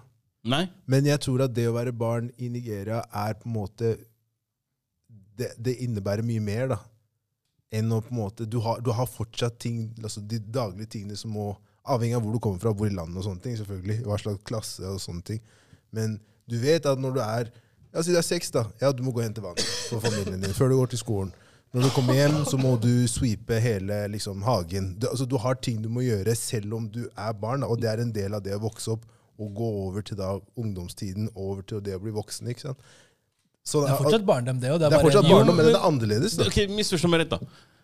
I Norge, som barn, så stilles det ingen krav til deg. For hvis dere skjønner hva jeg mener. Ja, det, det- sånn, det, det- det stilles ingen krav til et barn. Barn Ikke skal få være barn. Ja, riktig. I Afrika så har du ikke den luksusen. Men det er fordi de ikke trenger det her, da. Er, er du med? Det er Hvordan ikke, altså, vi lever i et sånn veldig altså, vest, altså Ikke vestlig samfunn, men vi har veldig veldig... altså, de, de, de trenger ikke den delen av det å være kids, sånn som jeg forklarte. ikke sant? Dette her med å hente vann, det å gjøre, hjelpe til, sånne ting. Det er ikke noe man, barn gjør i Norge. skjønner du? Nei, det, det, det er greit nok, men samtidig så er det sånn at barn har heller kanskje ikke chores. Folk har ikke eh, si, sånne typiske arbeidsoppgaver, da, hvis du sier det på den måten. Og det, det, men, det jeg tror, da hvis jeg kan si, Min personlige oppfatning og mening om det her er kanskje at eh, man mister litt av det her liksom, Grunnen til at man er barn så lenge, og grunnen til at folk helt opp fram til si 25, da, det er greit at du liksom Han har prøvd å feile i livet. Han har, liksom, han har kanskje ikke funnet helt ut hva han vil, og hvor han vil hen. Det der er bare på grunn av at du har penger, og du har luksus, du har den tiden. I Afrika så har du ikke det. Hvis du er 25 og du på en måte fortsatt driver og virrer rundt, da, da er du en lasaron, da. Per definisjon. Jo, men du er det! Det, det er ikke, det er ikke, det er ikke kødd engang. Men, men, tid det er selvfølgelig- men det er jo utvikling som har gitt oss den muligheten. Det er uten tvil. Det er jo Men har de gjort det oss latere òg, er spørsmålet mitt. Ja, jeg tror det er give and take. Det, er, det har forbedret menneskeheten her på mange måter, for det gir deg rom til å utvikle deg på et helt annet nivå. Og det vil si at ja, du har kanskje ikke fått like mye krav på deg som folk som trenger deg på en helt annen måte, men samtidig, du har fått rom til å utvikle deg ved utdanning, jobb, erfaring, eh, prøve og feile. På, sam, på den eh, som 45-åring så har du plutselig en helt annet livsperspektiv enn en person som har kanskje tenkt, tenkt enrette. Penger, penger, penger, penger, penger. Overleve, overleve, overleve. Ja, du har fått mye livserfaring gjennom det også, og du blir utrolig sterk. Men det betyr ikke at den ene nødvendigvis er bedre enn den andre. Nei, det tror ikke jeg heller. Og, og jeg tror at de fleste av foreldrene våre som kom fra den generasjonen og den måten å leve på, ønsket ikke det for barna sine. Nei. De ønsket ok, nå skal barna mine ikke stresse som jeg måtte da jeg var ung. Jo, men ofte så snakkes det om muligheter, ikke sant. Mulighetene som de ikke hadde selv. ikke? Hvis du sier Det på den måten. Det er ofte alltid sånn Jeg hadde ikke den muligheten. ikke? Ikke kast bort mulighetene dine. Men samtidig så tenker jeg at det, man, man, er veldig, man er veldig sånn Nei, men du skal finne ut av alt det her sjøl. Tror du ikke at det, det å få en liten pekepinn, da, få en liten sånn Dytt i riktig retning, da, hvis du sier det sånn, at det kan være behjelpelig også for dem. Istedenfor at man sitter på en måte hele tida og altså, men, det, men det er jo foreldreoppdragelse generelt. Det, du, det må stilles krav til et barn. Og da mener jeg ikke krav i forhold til hva de skal gjøre til enhver tid, men krav til hva som er lov hjemme her. Det er ikke lov å gjøre sånne ting hjemme hos oss. Liksom, alle familier har regler, mm. og det er selvfølgelig forskjellig fra familie til familie hvor mye de enforce til den regelen. Men jeg tror at enhver functioning kid som vokser opp hjemme, har en et ganske tydelig rammeverk med regler og ting vi forventer av deg. Nå er du seks år, nå skal du gjøre det. Nå er du begynt å bli ti, nå har du enda mer, mer ansvar. Jeg tror ikke det er sånn at de fleste vokser opp uten noe som er Det er farlig. Selvfølgelig å vokse opp i et hjem hvor Do you? Omsorgssvikt heter det. Ja, Nei, men, men, men det er det som er ironien midt oppi hele. For at det, jeg husker fra da jeg vokste opp, så var det basic så, Hos, oss var det, hos meg så var det strengt, liksom. Det var sånn, I forhold til hva alle andre hadde det, så var det dritstrengt hos meg. Og det var ikke så ille hjemme hos meg, egentlig. Men det er som du sier, da. Det ble du blir stilt til ansvar. da, ikke sant? Og du hadde på en måte Hvis du spiste, så skulle du rydde av bordet etter deg sjæl òg. Dekke på bordet. ikke sant? Du rer opp senga di. Du, disse tingene måtte gjøre, du måtte vaske rommet mitt sjøl. Det var sånn, jeg er ikke vasker dama di. Det er bare å sette i gang. Men det er jo Det er gode verdier tror som du har fått Ja, ja. fra familien din. Det, det er det absolutt, men ikke sant? der er det sånn, jeg, det jeg vil kalle på en måte si det her Africa Light. da, ikke sant? Hvor du fortsatt får de oppgavene. ikke sant? Fordi alle andre, da var det sånn Nei, nei, nei bare la det være. Bare la det være. Ja, men Folk så rart meg. sånn der, Jeg var hjemme hos folk og rydda etter meg. så var det sånn der, ja, De andre kidsa bare stakk, liksom. Fordi det var vanlig hos dem. Og det, det er derfor jeg så sier at det, gir man ikke da på en måte litt mer rom også for at eh, Hva skal jeg si Det er- struktur i livet. Ja. Det er jo et rammeverk og sunt, måte, skape gode vaner tidlig i livet. Ja. Som gjør at når du er alene, så har du plutselig det er ubehagelig ikke gjøre de tingene. ikke sant? Du fortsetter å bare gjøre Du skaper deg en struktur som er skapt fra barndommen av. Mm. Uh, så det er bare sunt. Absolutt. Jeg tror den Africa Light, som du kaller det, er, det har gitt oss masse fordeler. Med Ja, tanke jeg, på tror det. arbeidsmoral, med tanke på Den skyldfølelsen kan eh, Den er eh, Det er mye skyld. altså. Det er mye skyld. å ja, du tror du kan bare velge og vrake? We came here for a reason. Uff, det er mye skyld. Altså. men jeg synes jeg har tenkt på det ganske mye. Det, det, er, ikke noe, det er ikke noe fasitsvar på det. Altså. Det, er, det spørs på barnet, det spørs på Familien, familien. Mm. Det er Miljøet. status. alt. Men eh, for å ta det litt videre, da. Ja. Sammen, vi hadde lyst til å snakke litt om eh, identitetsprosjektet. Ja. Kan ikke du bare kort fortelle hva det går ut på? Det er det nyeste prosjektet som jeg holder på med nå, som er et eh, samarbeid med tre skoler i østlandsområdet. Hvor vi har eh, funnet et opplegg i USA som ble utviklet i Harvard eh, School of Education. Hvor de da har testet ut et undervisningsopplegg for minoritetsungdom i high school. Så det er high schools i USA som har gått gjennom Så videregående skoler her, da. videregående skoler her, uh, hvor de har fått et opplegg som varer over åtte uker. Hvor de da snakker om identitet. De pakker ut det de kaller identitetssekken sin. Så det er veldig sånne hands on, praktiske oppgaver for å illustrere hva identitet er, hva tilhørighet er. Man bruker liksom fysiske gjenstander i undervisningen. Her er en sekk. Putt alle de tingene som definerer deg i den sekken. Alle skriver lapper. Jeg er det, jeg er det, jeg er det. Putt den i sekken din. Ok, det er den Du kan på en måte vise folk til de som ikke kjenner deg. da. Hvordan vil du beskrive deg selv? Og så tar man utgangspunkt i det ungdommen selv syns er viktig, for å så pakke ut sin etnisk-kulturelle identitet. Og med etnisk-kulturell identitet så mener vi eh, kulturarv. Så du kan være født og oppvokst i USA over flere generasjoner, men du har kanskje forfedre fra Spania, fra, fra Afrika, fra et annet land i Europa. Hvilken del av det spiller en rolle i ditt liv? Og hvorfor, da? og hvorfor. Eh, og det er noe som har gitt gode resultater i de skolene i USA. Det har vist at de ungdommene som har gjennomført det programmet, har eh, bedre eh, De har eh, eh, bedre psykisk helse. De har eh, måte de, de mestrer hverdagen litt bedre, da. Hva er målet da med Ja, prosjektet? hva kommer det av, liksom? Det kommer av at den der identitet er jo veldig tett, knopp, tett knytta til hvordan vi har det, sånn rent psykisk. Ikke sant? Så hvis vi kommer inn, Alle har en periode i ungdomstida hvor vi prøver å finne ut hvem vi er, og hvor vi passer inn. Det er helt vanlig. Men hvis du opplever at en stor del av deg, la oss si det er en etnisk-kulturell bakgrunn, ikke blir utforsket. Det er ikke en del som snakkes om. Det blir kanskje snakket Du hører det rundt deg. Kanskje negativt Mm. i, stor, i, stor, i stort omfang. Om det er media, eller om det er andre som snakker om om er diskriminering, rasisme, eller om det er stereotyper. Det påvirker alle til en viss grad. Særlig ungdom som prøver å finne ut hvem de, hvem de er. Så det målet med det opplegget er å gi dem, en, gi dem verktøy, gi skole verktøy til å snakke om noe som man ikke snakker om på norske skoler. Vi har snakket med de ungdommene øh, og prøvd å finne ut hva er det de tenker om identitet og tilhørighet. Det er flere av de som er født og oppvokst i Norge. Over, til og med foreldrene er født og oppvokst i Norge. Nei, nei, nei, jeg er afghaner.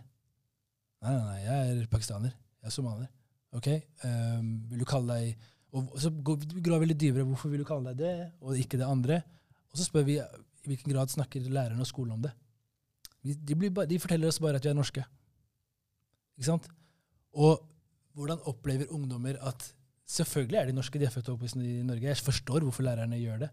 Men hvis det er en del av dem som de opplever som viktig for sin tilhørighet og identitet som ikke blir snakket om, eller brushed under the rug, og ikke diskutert, hvordan skaper det tilhørighet til et samfunn? Um, og hvordan kan vi forbedre psykisk helsen ved å ta opp noe de kanskje ikke har tatt opp før? Og, den, og når det kommer til bare ren sånn, eh, psykologisk utvikling av et menneske, særlig de som har flere bakgrunner, og da både dere som har norsk og eh, nigeriansk bakgrunn, men også de som er født i et annet land, og foreldrene for eksempel fra et annet land, Mm. så viser det seg at de som har utforsket den, per, den perioden og den delen av livet sitt som er, kanskje er annerledes, har det bedre. Og Det betyr ikke at du må komme frem til at du er det eller det andre. Det det betyr ikke at du må komme frem til et svar. Målet med prosjektet er ikke å si at du er somalier og er stolt av det. Målet er bare at du skal reflektere over det Men- i en, i en trygg setting. fordi å, å reflektere over deler ved deg som du kanskje ikke har tenkt over, gir deg strategier og, og muligheter for å, å på en måte ikke bli overrasket sju år down the line. God damn, hvem er jeg? Shit, det er en stor del av meg som er ignorert. Eller ikke snakket om. Jeg vil, jeg vil, bare si altså, I USA, da, kontra Ja, ja. i Norge, så det er jo en stor forskjell. Det er veldig stor forskjell. Vi brukte lang, jeg glemte å si egentlig, vi brukte lang tid med å tilpasse dette til norsk kontekst. Ja. Vi tok ikke amerikanske Nei, opplegget takk. og så bare ga, oversatte. For det, det, Det er det- mye vi måtte fjerne. det som, for det som er litt sånn finurlig akkurat der også, er eh, hvis vi snakker om identitet, da, Mm, er at det, så snart folk har fått green card, mm, så sier de 'jeg er amerikaner'. mm. Og det er ingen som på en måte kan si deg imot. skjønner jeg mener? Og du blir altså si akseptert da, som amerikaner. ikke sant? Nei, ikke, ikke alle. Har- selvfølgelig ja. ikke alle, men, Nei, men du har en stor del av USA som mener at USA, eller det som er erkeamerikansk, er hvitt.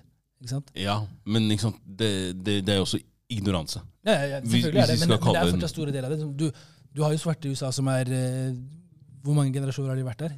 De Ja, ja. Og de, er, ja, og de har bygd opp landet, så de er absolutt eh, amerikanere. Absolutt. Men, men de blir jo også på en måte eh, referert til som afro-american. ikke sant? ja, ja. Forstår du hva jeg mener? Men hvite i USA blir ikke kalt European Americans. Nei, det det, er bare jeg. Americans. Det vet jeg. Det, Ja. det er jeg fullstendig klar over, jeg også. Eh, men det er fortsatt en lang vei å gå fra hvor vi er her. Ja, ja, ja. Altså, er du med? For det, problemet er at det, her så blir du stadig vekk påminnet om at uh, du er utlendingen. ikke sant? Så uansett, som du sier, om du er tredje generasjon afghaner, så er du fortsatt utlending. ikke sant? Mm. Så du er tolerert, men du er ikke akseptert. Og det er det du, skjønner, det er det du kjenner på. Og det er derfor den der selvinnsikten og den her vite hvem du er, og alt det her, ikke sant? For alt det du møter på i livet, er jo også måte ting som enten da kan være med på å bygge karakteren din, eller på å bryte deg ned. Men USA har hatt også en mye mer høyere grad av nasjonalisme enn det vi har hatt her. da. Ja, ja, men, men poenget er at de har hatt utlending mye lenger enn det du har hatt her. da. Ja, ja, selvfølgelig. Ikke sant? Det er sånn Hvis du ser til Sverige da. Sverige har hatt utlending mye lenger enn de har hatt i Norge. Ikke sant? Og det er, det er flere utlendinger i Sverige enn det er i Norge også. Norge er et lite land. Ja, det, Innvandring er relativt nytt Norge Takk. sammenlignet med eh, andre land i verden, uten Ja. tvil. Og jeg tror at det, det, det er en av grunnene til at veldig mange føler at de ikke er norske, selv om de er norske. Men Mm. de, de ser ikke ut som typisk norsk i sånn det som har vært typisk norsk i lang tid før. da. Ja. Men jeg tror det som er viktig med et sånt opplegg, er at man gir lærere og andre kursledere som snakker med disse elevene, et verktøy. For jeg tror veldig mange er redde for å snakke om de temaene. Lærerne kanskje vegrer seg for å snakke om den delen av deg som ikke er likt med meg. Jeg har ikke så mye kunnskap om hvor du egentlig kommer fra, så man snakker ikke om det. Vi snakker om det vi har felles.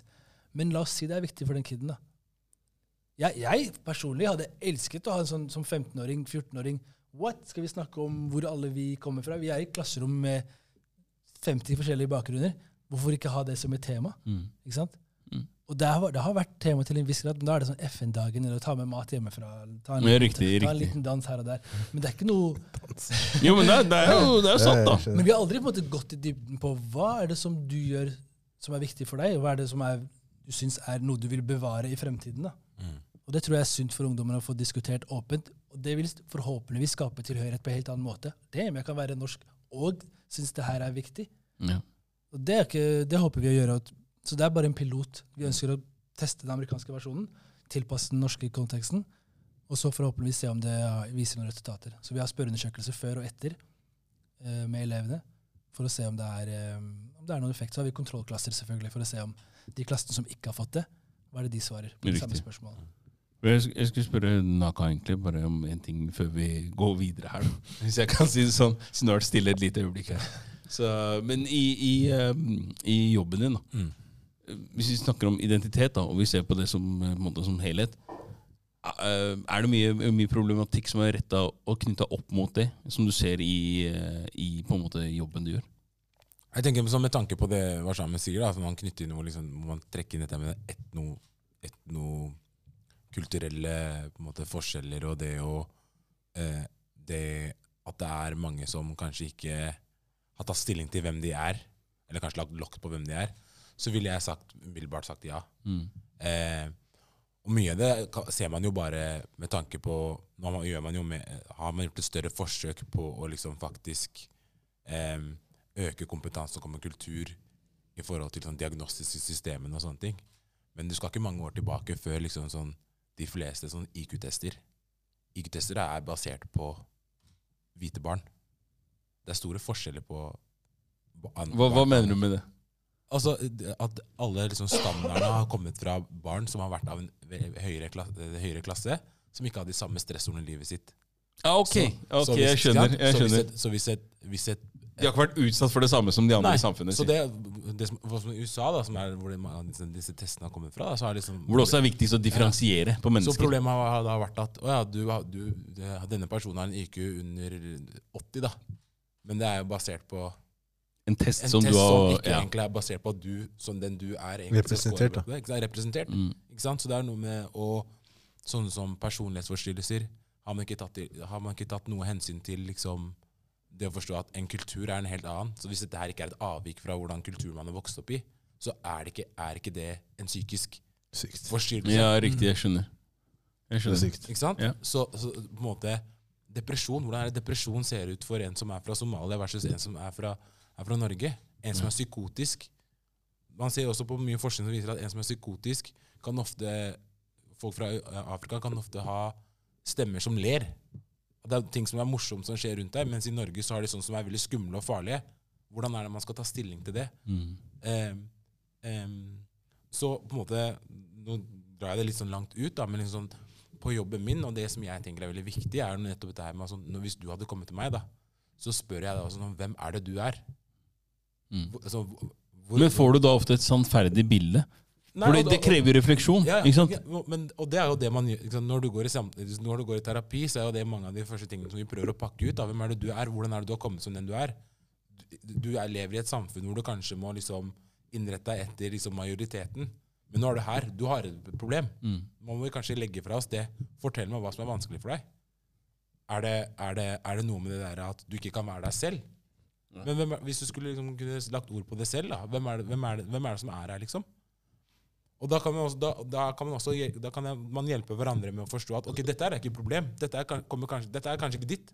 Dette kanskje kommer fra, at det er, det, det, liksom, det er noe annet som skjer der borte, som er vanskelig for deg. Som gjør at, at du får problemer. da. Kan vi, kan vi få noe stødigere på det? Så liksom sånn der, så jeg prøver alltid å liksom sånn, å, å hvert fall si til kollegaene mine, si til eh, sånn, pasientene jeg kommer av, det er, og det trenger ikke være at du er en utlending, da, som man sier. Nei, Det kan være at du er La oss si at du har en annen legning, eller at du, har, eh, du er en transperson, eller på en måte eller, eh, hva enn det skal, eh, måtte være. da. Så er kultur så mangt. Kultur kan også være at du kommer fra Groruddalen. Ikke sant? Kultur kan være at du er en, er en kvinne i en mannsdominert Alt, Kultur er så mye, da. Så det å liksom bare inkorporere det inn i en for å få en forståelse av at vi begge to kan snakke det samme språket, da, hjelper til at man også kan finne flere løsninger. Og det er, det er, det er alfa og omega. For er du trygg på deg selv når du kommer til meg, så kan, du jo, kan vi jo faktisk snakke om de vonde, vanskelige tingene. Da Ja. trenger du ikke å måtte prøve å fortelle meg det du tror jeg tenker at jeg vil vite. Nei. La meg avslutte ja, bra sagt, Naga. La meg avslutte med å si at på Vi tester ut noe nytt på Spotify nå. I forhold til det du sa, Naka. Så går det an å svare på episodens spørsmål, som da blir 'Hvem er det du er?' Så da kan du skrive inn hva du, hva du syns eller hva, om det, det spørsmålet der. Svare på det, så kommer det opp. Det er helt nytt. Okay. Så da, ja, sjekk det ut på Spotify under dagens episode. Hm. Spørsmål? Spørsmål? La oss kjøre første, første spørsmål her. Og jeg tenker at Spørsmålet blir retta ganske mot eh, dere to i dag. Så dere skal få hver deres mulighet til å svare her. Så vi starter med Naka, siden han er eh, så godt i gang her. Eh, Hvilke ulemper følger med bruken av psykiske diagnoser?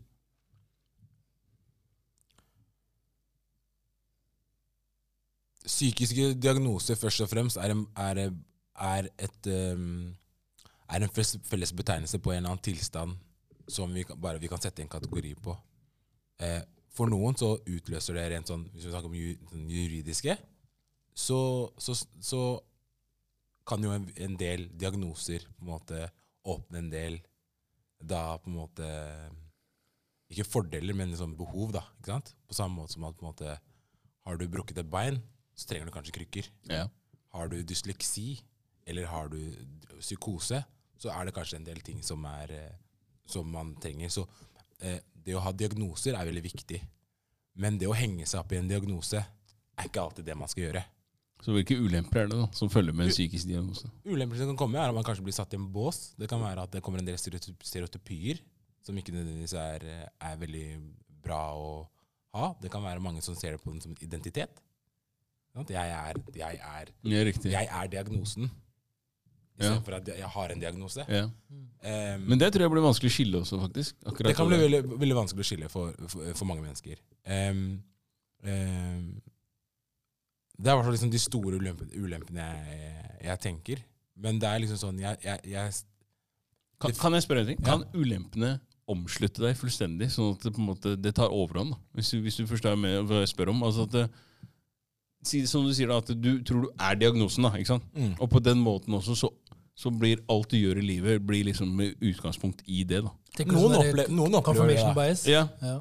Noen opplever det. Det er noen som sikkert har fått, fått en ganske tung diagnose, og så viser det seg at det er feil. Mm. Da er jo det en ulempe, fordi det kan være veldig vanskelig å få, bli kvitt den diag diagnosen igjen, for den følger deg. da. ja. Så det er, en, det er jo en ulempe at, liksom, når jeg sier at sånn, det finnes sånn grader av forskjellige diagnoser her. ja. Og får du, eh, jo alvorligere det blir, jo mer tyngde er det, er det jo bak dem. ja. Og jo større måte, ringvirkninger kan du ha i forhold til liksom, hvordan du lever, til på en måte, hvilke rettigheter du har, til du, liksom, hvordan du kan ikke te deg, men hva du kan gjøre da, i samfunnet og sånne ting. Kanskje også hva folk forventer av Og hva folk forventer av deg. Så, så det har jo en del så Det er jo de ulempene der, da. Men jeg tenker det er veldig viktig, selv om spørsmålet handler om ulemper, så tenker jeg det er også veldig viktig å si at man også har diagnoser av en grunn. Ja. Um, og det skal man også respektere. Hva da? Har du noe du vil godt tilføye? Ja? Det er helt, helt i orden. det er greit å få second opinion her, i hvert fall. Ja. Eh, neste her er Kan du si noe om sirkulære årsaksforklaringer til atferd ved bruk av diagnoser? Var ikke Det var et veldig godt spørsmål, men jeg vet ikke helt om jeg forsto det. for helt ærlig. Forsto du det bare? Kan si det? Eh, kan du si noe om sirkulære årsaksforklaringer til atferd ved bruk av diagnoser? Altså sirkulær, Med andre spørsmål her er jo da si, altså En årsaksforklaring da, til kanskje hvorfor en eh, altså, Helt eh, gratis eh, drop-in-time. Ja, årsaksforklaring, jeg. Sirkulære ja, for det, så, Kan du si noe om sirkulære årsaksforklaringer til atferd? Kanskje han får det inn da. Greit, Det er vi, vi, lar det stå til nå. Hopp til neste, hopp til neste, hopp til neste. Hopp til Hopp til neste, neste. hopp til neste. Hvordan, Jeg føler meg lei meg. Hvorfor er du lei deg? Helt deg? Men hvorfor er du lei deg? Fortell meg hvorfor.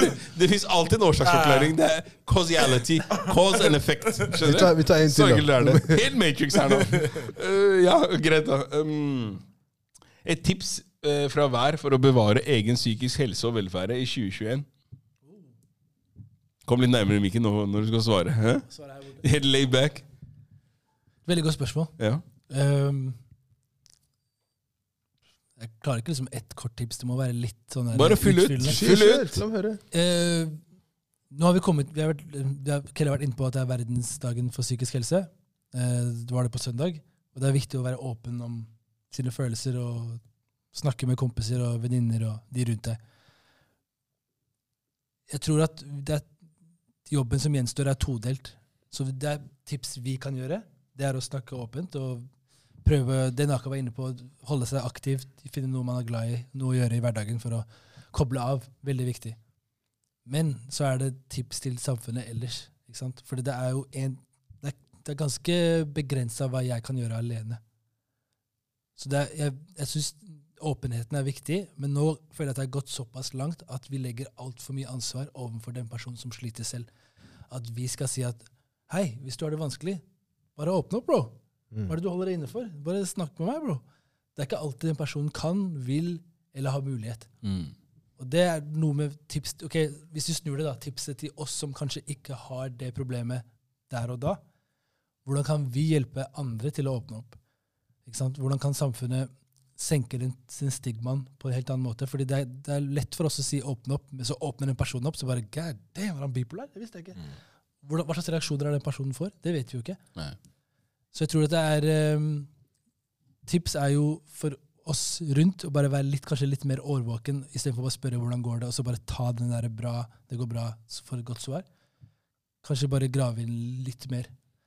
Og det er ikke nødvendigvis grave inn til personen blir irritert, men bare si sånn Hei, det har vært en tung tid, og så jeg har ikke sett deg på lang tid. Hvordan går det med deg? Jeg har vært stille fra din side. Jeg, jeg, er, jeg er her hvis du vil snakke. Det, det holder Å strekke ut en hånd, med andre ord. basically. Det jeg ser. Men jeg tror for samfunnets del det er lett å si åpne opp når den personen kanskje ikke får psykisk hjelp, eller ikke får mulighet til å snakke til Naka. da. Ja. For det er ikke så lett å komme seg inn til Naka. Nei. Og det er ikke pga. Naka, som ikke prøver. Men systemet er rigga opp på en måte som gjør at det er veldig vanskelig å få hjelp før det blir såpass vanskelig. da. Før det er en Det- katastrofe, egentlig. og det er en annen episode, så jeg skal ikke gå inn på det, men jeg synes at vi må ikke glemme at psykisk helseaspekten så er det samfunnsansvar også. Det er ikke bare opp til den ene. Hvordan kan vi styrke det, det som er rundt personen, på en helt annen måte enn det vi gjør i dag? Ja. Ja. Det er et langt tips. Naka, har du noe som er litt kortere? Kjør på sweet! Jeg tenker sånn, som du sa, noen, den tiden som er nå, liksom sånn, nå når vi er i 2021, som pandemien begynner å i hvert fall se ut som at det tar slutt, samfunnet åpner igjen. Don't jinx it now. Ehm, ikke vær redd for å liksom, trekke deg tilbake hvis du har behov for det. Eh, det har vært eh, to lange år. Eh, det kan være fort gjort å kjenne på at eh, det blir litt mye, og at man blir overstimulert, eller at det, på en måte, det krever for mye av deg. Og da, det, er, lov til også på en måte Det er lov til å um, ta seg en pause hvis man trenger det.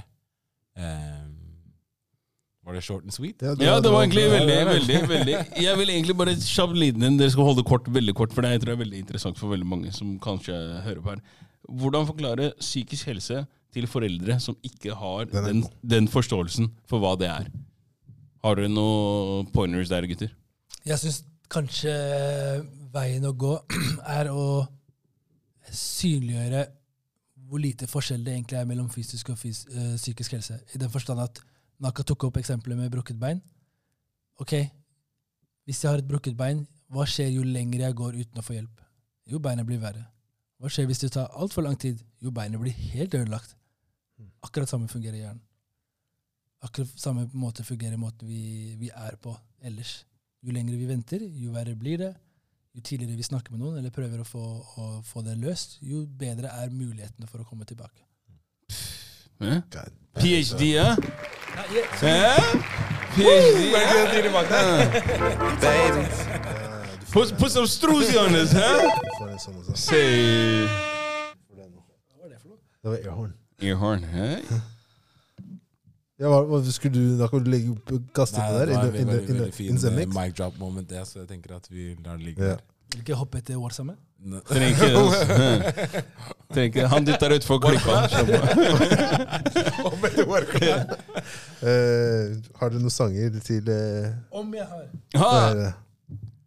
Nonstop i en uke. Okay. Little Sims. Point and kill. Point and kill. Enjoy yourself. Selvfølgelig måtte være en nigeriansk artist. Kjør på. Neste. Er det det, eller? Ja. Woo! Neste. Angrer allerede. Det er sangen som har vært mye på repeat på Kan jeg ta, kan jeg, ta- kan jeg ta to? ta han der som du ville at vi skulle dra på konserter her om dagen. Det var, det var helt random. Hvem var det? det? Vet du hvem det er? Jeg vet ikke hvem det er. altså. Robert Glasper Jr.? Nei, det var ikke det. Hvem var det hvem var det? Det Det var? var ikke Robert Glasper. Det var det ikke. Det var, eh, det var Helt random. Ingen svarte. Nei, fordi ingen av oss vet hvem det er. Hør på det her. Kanskje Jakob vet kanskje hvem det er. Gary Clark jr.? Nei. Ja. Han er en av de beste liksom, gitaristene Aldri hørt om. nå om dagen. Ok, i hvert fall. Kjør, kjør på. Men uansett, den, eh, det jeg tenker eh, jeg gjerne vil plagge, er eh, Ikke plagge, det blir helt feil. Men eh, det er to. Nei, jeg Ja, tar en. kjør, kjør. Monte Jesus, Carlo, to. Monte Carlo og Stigerbroren. Hey! Få det på, dere. Nye sangen hans. Til André. Det er han som vil at du skal Shout legge. André. Nei, nei, shout André. Han jobber hardt om dagen, Ja. skriver mye bars. Ja. Bort til New Jersey. Gatene til Ferry Wap. Tusen der borte. Så han har flytta til USA nå, så håper han kommer tilbake med noen bangers. du vet. Men, Lord willing. Ja, så, ja, men det er den jeg setter på. Hva med deg, eh, Jakob? Well, Min er Teddy Pendergrass, uh, When Somebody Loves You Back. Har ikke du tatt den før? Nei, ikke When Somebody Loves You Back. Jeg har uh, Close the Door og Turn Off the Lights. Aldri til hvilke sanger? Jeg, jeg, jeg, kan si, jeg kan si en Du ting. var god Jeg, der, jeg, jeg kan si en ting da Bare finn en gammel I hvert fall fra 1979. Konserten til Teddy Pendergrass. Bare se outfiten rå. hans. Hør da. Performen rå. Performingen hans. Hei da. Hei da. Um, det, Helt rå. det, det fløy truser før det fløy truser. Back in the day. Hei. Jeg har eh, David Melly med Too Late. Ok, Så ja. interessant. Folkens, takk for i dag. Allan igjen, tusen takk for at du igjen er her sammen med oss, som alltid. Leverer sterkt om dagen. Aland. Hæ? Kjære Alan. Hvor mange var det var på det der eventet du tok bilde på her om dagen? 700? 700. Kokte, da. Wow. Jeg så noen videoer her i stad. Det var ikke verst. altså. Start. Gutta, takk for at dere kom. Det Ja. var en veldig fin samtale. Og eh, Er det noe mer dere vil plagge før vi gir oss? Eh, hvis dere er noen som sliter, så er det hjelpetelefonen. da 111. Eh, det må jeg sjekke. wow. Jeg kan ikke, jeg kan ikke, jeg sier som jeg sier til barna, bare ring 911. De setter deg over dit du trenger. Done deal. Men så ser jeg her mental helse Jeg tror det er 113116, er det ikke det? 116, kanskje. 116, 123. Ok. Mm. Samme? Er det noe du vil legge til på slutten her? Tror ikke det, altså. Nei? Det, takk for den. Ja, det var ja, folkens, vi ses neste uke. Nye gjester, Ta vare på hverandre. som alltid. Og eh, som sagt Snakk med en venn, reach out, gjør noe. Altså, Hvis dere er i tvil, det er bedre å spørre enn det er bedre å ha spurt enn å bare holde kjeft. i hvert fall. Helt enig. 100% Da ses vi neste uke. Samme tid, samme sted.